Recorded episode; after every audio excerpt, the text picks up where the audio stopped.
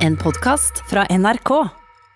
Og nettopp når det ikke gikk an å gå på konsert, så har mange, det viser seg, fått med seg konserter på nett, strømmet. Det ble et alternativ, da. Og kanskje blir konserter sendt over nett ikke bare et tilbud, men nærmest et folkekrav. Det tror en forsker vi straks skal høre. Over 30 000 kjøpte billett til strømmekonserter hos de to største arrangørene. Og Kulturhuset Sentralen i Oslo har hatt en serie med gratiskonserter. De har blitt spilt av rundt to millioner ganger. Det var jo først og fremst veldig rart, da. Det var veldig rart å sitte i et rom alene og på en måte skue i intet og snakke til noen man håpet var der, men ikke visste. En av dem som har benytta muligheten til å gjennomføre strømmekonsert, er Fay Wilhagen. Til tross for den uvante følelsen av en konsert uten publikum fysisk til stede, så mener Henrik Spilker, professor i mediesosiologi ved NTNU, at strømmekonsertene dem har kommet for å bli. Den opplevelsen eh, tror jeg vil ligge der som, som la oss si et krav eller en, en forventning hos deler av publikum om, om at, eh, at, dette ikke skal forsvinne når restriksjonene blir, blir lettet på og opphevet og så syng litt du der hjemme også. Pia Norskaug er medgründer i Streamy, en av tjenestene som er tilbudt strømmekonserter. Hun ønsker at strømminga kan bidra til at flere kan delta. Det er jo mange ulike grunner til at folk ikke kan være med på en konsert eller på et show. og Det kan være alt fra et fysisk handikap, eh, det kan være sosial angst, det kan være økonomi. Eller det kan være at de bor for langt unna, altså der hvor konserten foregår. Dana Swarbrick er sjøl musiker og doktorgradsstipendiat ved Universitetet i Oslo.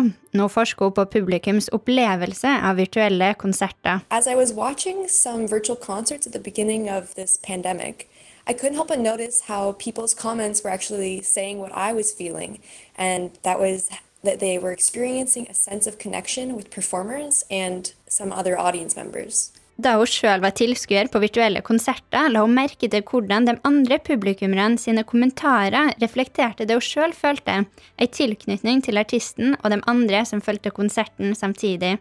Hun håper at resultatet av forskninga kan bli en modell for hvordan forskere, konsertarrangører og musikere kan jobbe sammen for å gi en bedre opplevelse av strømmekonserter. It's also super applicable for music professionals who might want to enhance the concert experience for their audiences.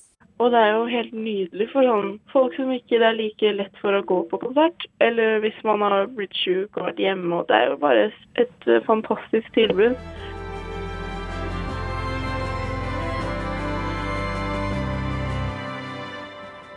Henriette Bertheussen Isaksen og Maiken Svendsen var eh, reportere. Professor i eh, mediesosiologi ved NTNU, Henrik Spilker, god morgen. God morgen. Du, Vi hørte deg så vidt i saken her, men, eh, men, jeg tenkte du skulle få lov til å si litt mer. Hvorfor tror du at strømmekonserter vil fortsette som tilbud også etter at koronatiltakene er opphevet? Altså Livestreamede konserter har eksistert i mange år, siden lenge før koronasituasjonen oppsto. Men det har vært et veldig lite og marginalt fenomen sammenlignet med etablerte former for musikkformidling, som både fysiske livekonserter eller som musikkvideoer eller med la oss si, albumutgivelser. Og Det vi tror har skjedd, er at livestreaming har brått endret status. Og for fremtiden vil vi være mye lenger fremme både i artisters og publikums bevissthet. Og Derfor tror jeg at dette er en musikkformidlingsform som vil fortsette å ha en mer sentral rolle, også etter dagens unntakssituasjon er over. Men tror du at folk er villige til å betale penger, da? Altså for, for en, altså som en vanlig konsertbillett, for å se en konsert over internett eh, på sin egen laptop med sin egen kanskje noe dårlig lyd osv. i tiden fremover? Vi har sett tre økonomiske modeller for slike konserter. For det første har vi gratiskonserter, der spørsmålet om betaling har vært helt fraværende. Men artistene har gjort dette enten rent ut fra spilleglede og spillelyst, eller som PR- og markedsføringsstunt i ulike varianter. For det andre har vi betal det du vil-modellen, som har en lengre og mer utbredt posisjon, f.eks. i USA. Men som her i Norge først dukket opp etter koronasituasjonen oppsto, med initiativ som brakkesyke og koronerulling. Og der publikum bruker VIPS og støtter artistene med det beløpet de vil. Og Den tredje modellen er jo forhåndsbetalingsmodellen, der publikum på forhånd betaler et bestemt beløp for å få tilgang til konsertene. Det siste i Norge er spesielt knyttet til nyetablerte, nyetablerte plattformer som vi er live og som Streamy, og er et nytt fenomen i, Norge, i norsk sammenheng. Jeg tror at vi får se alle disse tre variantene, og kanskje flere til, f.eks. som abonnementstjenester i fremtiden. Men om de vil bli spesielt utbredt, det gjenstår jo å se. Kanskje blir det et ekstratilbud i forbindelse med fysiske konserter til de som ikke har fått billett, eller andre grunner ikke kan gå på konsertene. Ja, for, men hva med artistene? Tror du de helst vil gjøre en vanlig konsert istedenfor en strømmekonsert, eller tror du de syns det er like gøy å ha en strømmekonsert? Det er jo noe med det å ha publikum i studio. Altså, Jeg tror jo de fleste, omtrent alle 100 av artister rundt i Norge nå de, For de har det, dette vært en nødløsning, at de tripper etter å stå ansikt til ansikt med publikum igjen. Men jeg tror også at for en del artister så har de fått noen aha-opplevelser med å opptre og formidle på en ny måte. Men igjen, dette er jo ting vi ønsker å finne ut i den studien vi er i gang med nå. Ja, For nå skal du forske på dette her eh, som fenomen? Det stemmer. Hva er det du skal finne ut? Altså, eh, Studien vår er en utforskende studie. Der vi skal intervjue artister og konsertarrangører om deres opplevelser med avholdet såkalte koronakonserter. Og Studien har altså i utgangspunktet et utøverperspektiv. Og Det vi ønsker å finne ut, er egentlig hvordan var det? Hvordan har det vært å arrangere og avholde slike konserter? Hvordan har den kunstneriske opplevelsen vært? Hvordan har den teknologiske opplevelsen vært? Hvordan ser de på det økonomiske aspektet? Alt dette ønsker vi å studere og analysere. Var det spesielle utfordringer knyttet til livestreaming? Åpnet noen nye muligheter? Hva positivt, hva var negativt? Og svaret det får vi i fremtiden. Takk skal du ha, professor i mediesosiologi ved NTNU, Henrik eh, Spilker.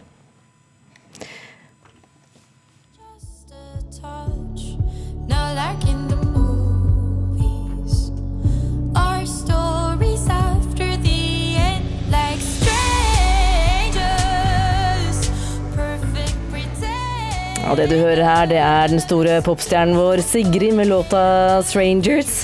Hun er eh, blant flere, som, flere artister som viser eh, støtte til de som demonstrerer for eh, George Floyd. Floyd ble altså brutalt pågrepet av politiet i USA, og han døde senere. Kulturreporter Heather Øbeck Eliassen, Sigrid er i godt selskap? Ja, Den siste uken har store artister og hele verden vist sin støtte til demonstrasjonen som startet etter George Floyds dødsfall. Hendelsen har utløst store demonstrasjoner og voldsomme opptøyer, men også utløst sterke reaksjoner på sosiale medier. Billie Eilish, JC, Beyoncé, Madonna, Aria Grande kan ramse dem opp. De er blant store artister i USA som har vist sin støtte dette. Billie Eilish skrev nylig til hennes 63 millioner følgere på Instagram All Lives Matter som svar og støtte til Black Lives Matter-bevegelsen. Beyoncé ber om at mer gjøres for å um, få bukt med rasisme i USA, og Madonna sier at dette her må stoppe.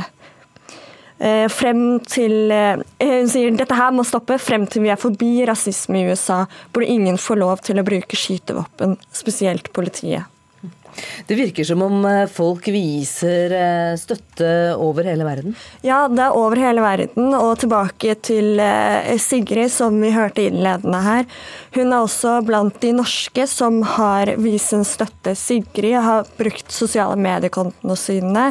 Astrid S har endret bioen sin til Black Lives Matter, og Aurora har skrevet et innlegg der hun bl.a. skriver Jeg er sammen med alle dere jeg, sammen med alle dere, må stå frem i kampen mot rasisme.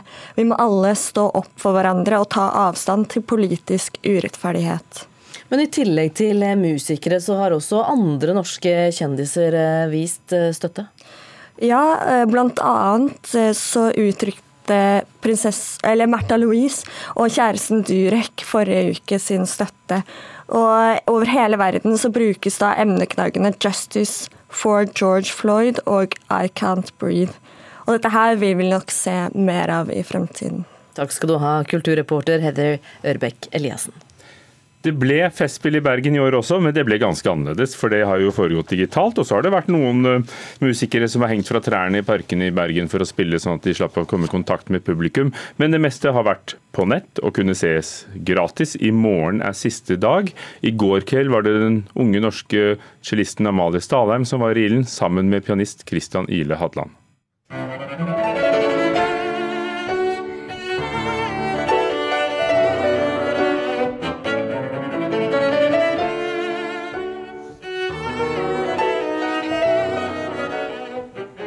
Robert Schumann, og dette skjedde på Lysøen utenfor Bergen, men i likhet med alle de andre konsertene helt uten publikum under Festspillene. Men strømmet. Og du satt, Øystein Sandvik, vår uh, musikkanmelder, uh, hjemme, trygt plassert hos deg selv, og, og fikk med deg dette via dataskjermen. Hvordan opplevde du det? Jo, altså, Jeg både så og hørte en svært begavet ung norsk musiker som spilte seg med overskudd og autoritet gjennom et krevende program av, fra cello-litteraturen. Amalie Stalheim er kanskje den som i størst grad har stått frem i løpet av årets festspill blant disse unge musikerne som en, en musiker som har noe å melde, som er klar for verden. Så må jeg jo innrømme da at jeg savna veldig å være til stede i dette eventyrslottet til Ole Bull ute på Lysøen der, sammen med et fokusert og interessert festivalpublikum. Så ja, det var strålende musisering, men, men jeg savner jo selvfølgelig den ordentlige kontakten med utøvere og publikum til stede i en konsertsal. Festspillene ventet lenge med, med, å avlyse, og så til slutt så, så fant de en form på dette eh, festspillet som gjorde at langt flere eh, Ingen kunne være der, men langt flere eh, kunne se den vanlige. og Fortsatt ligger konsertene tilgjengelig på, på siden deres, og mye har blitt sendt også på hovedscenen på, på NRK. Hva slags festspill vil du si det er blitt? Altså, det er jo et festspill som selvfølgelig er kraftig nedskalert og, og veldig norskfokusert. Det er fokusert særlig på disse crescendo-musikerne. Altså, det er et mentorprogram som Festspillene i Bergen er involvert i, sammen med Barrat Due i Oslo og Oslo Filharmonien. De har båret mye av byrden med å presentere klassisk musikk på, på en rekke konserter av veldig høy kvalitet. Det har vært også noen få konserter innenfor andre sjangre. Moddi har sunget, det har vært jazz med Mathias Eik, det har vært americana med Bjørn Tomren. Men overveiende klassisk, litt teater, noen få paneldebatter. I alt 60 arrangementer fordelt over disse to ukene. Det høres mye ut, men det har kanskje vært ca. gjennomsnitt to-tre litt tyngre kulturarrangementer hver dag. Så det er klart at dette har vært et ganske begrensa tilbud i forhold til et vanlig festspill. Mange av de store internasjonale navnene har jo selvfølgelig uteblitt. Men har det virket? Hvordan har det fungert? Altså, det, er jo, det er jo vanskelig å kritisere et festspill som har tross alt har fått til så veldig mye på så kort tid. De utsatte som du så lenge og med å på en måte kansellere hele det opprinnelige programmet. Drøya helt til 7. april. Det var den dagen regjeringa la ned dette forbudet mot større idretts- og kulturarrangementer frem til 15. Allerede 8. mai var de på plass med et uh, nytt program. Det er veldig imponerende, jeg må si det. De har fått til mye. Uh, og mange, De fleste konsertene har vært gode. altså De har vært visuelt fint ramma inn og skikkelig introdusert og presentert underveis, som regel av uh, musikere, på, på, en måte som man sjelden opplever på vanlige konserter. Men de fleste konsertene både ser og høres litt ut som en god generalprøve. altså Man opplever aldri helt den helt sjeldne magien som man får på en vanlig konsert, hvor selvfølgelig det er et kjennetegn ved konsertformen at både utøvere og publikum sitter i samme rom over et bestemt tidsrom. Du får en slags feedback-sløyfe mellom scene og, og, sal som ikke er til stede på samme måte når man spiller for en tom sal, men for noen få kameraer som står plassert uh, rundt omkring. Likevel så vil jeg si at det var viktig og riktig av Festspillene å, å gjennomføre festivalen på den måten som ble gjort. Altså det oppleves som fint og naturlig og som del av på en måte den store dugnadsånden som har karakterisert Norge, altså en nasjon som har befunnet seg i den største unntakstilstanden. Men du mister noe uten publikum, men du slipper hostingen, da? Ja, Du slipper hostingen, men du får jo forstyrrelse fra omgivelsene rundt deg på andre måter. ikke sant? Og Det er veldig fristende å begynne å seppe og kanskje høre litt på en annen konsert og alle disse tingene som man må eh, forholde seg liksom utenfor man sitter i en konsert. Men la oss høre på et av de høydepunktene du har funnet.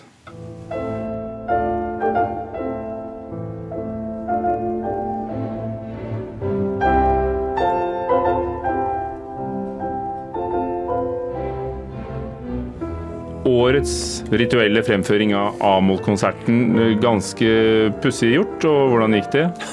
Ja, det var pussig gjort, helt klart. For at, uh, dette er jo Vikinger Olafsson. altså Han er jo en av de uh, hotteste pianistene nå. Uh, et, et moteikon i tillegg til å være en fantastisk pianist. Altså, han gjør veldig slående ting på, på plate. Han spilte inn hele denne klaverstemmen alene i harpa i Røykjavik. Han sitter i en helt tom sal foran et klaver. Dette ser du da på storskjerm når Bergen Filharmoniske Orkester under ledelse av Edvard Garner spiller sammen med dette opptaket. En ganske spesiell situasjon, og ikke noe genuint samspill selvfølgelig mellom solist og orkester. Men det er et eller annet med Vikingur Olafsson og hans uh, spesielle særpreg som musiker. Altså, han, han, er litt der. Altså, han, han, han, har en måte å spille på, og også Grieg som jeg opplever som en litt sånn pinlig nøyaktighet, med en viss sånn kjølig distanse. Så hans karakteristiske kjennetegn som kunstner ble så å si enda mer tydelig og kom enda mer frem i dette slags sånn hypervirkelighet-fremførelsen av Griegs Amol-konsert, som på en merkelig måte tilførte en, en ekstra dimensjon for min del. Så rart som det enn var som ligger der og kan høres på Festspillenes sider. Takk skal du ha, Øystein Sandvik, vår musikkritiker. Og så er det da avslutningskonsert med Leif Ove Ansnes og Oslofilharmonien overført fra Oslo. Det er jo da mulig, selv om det er Festspillene i Bergen. Det er i morgen.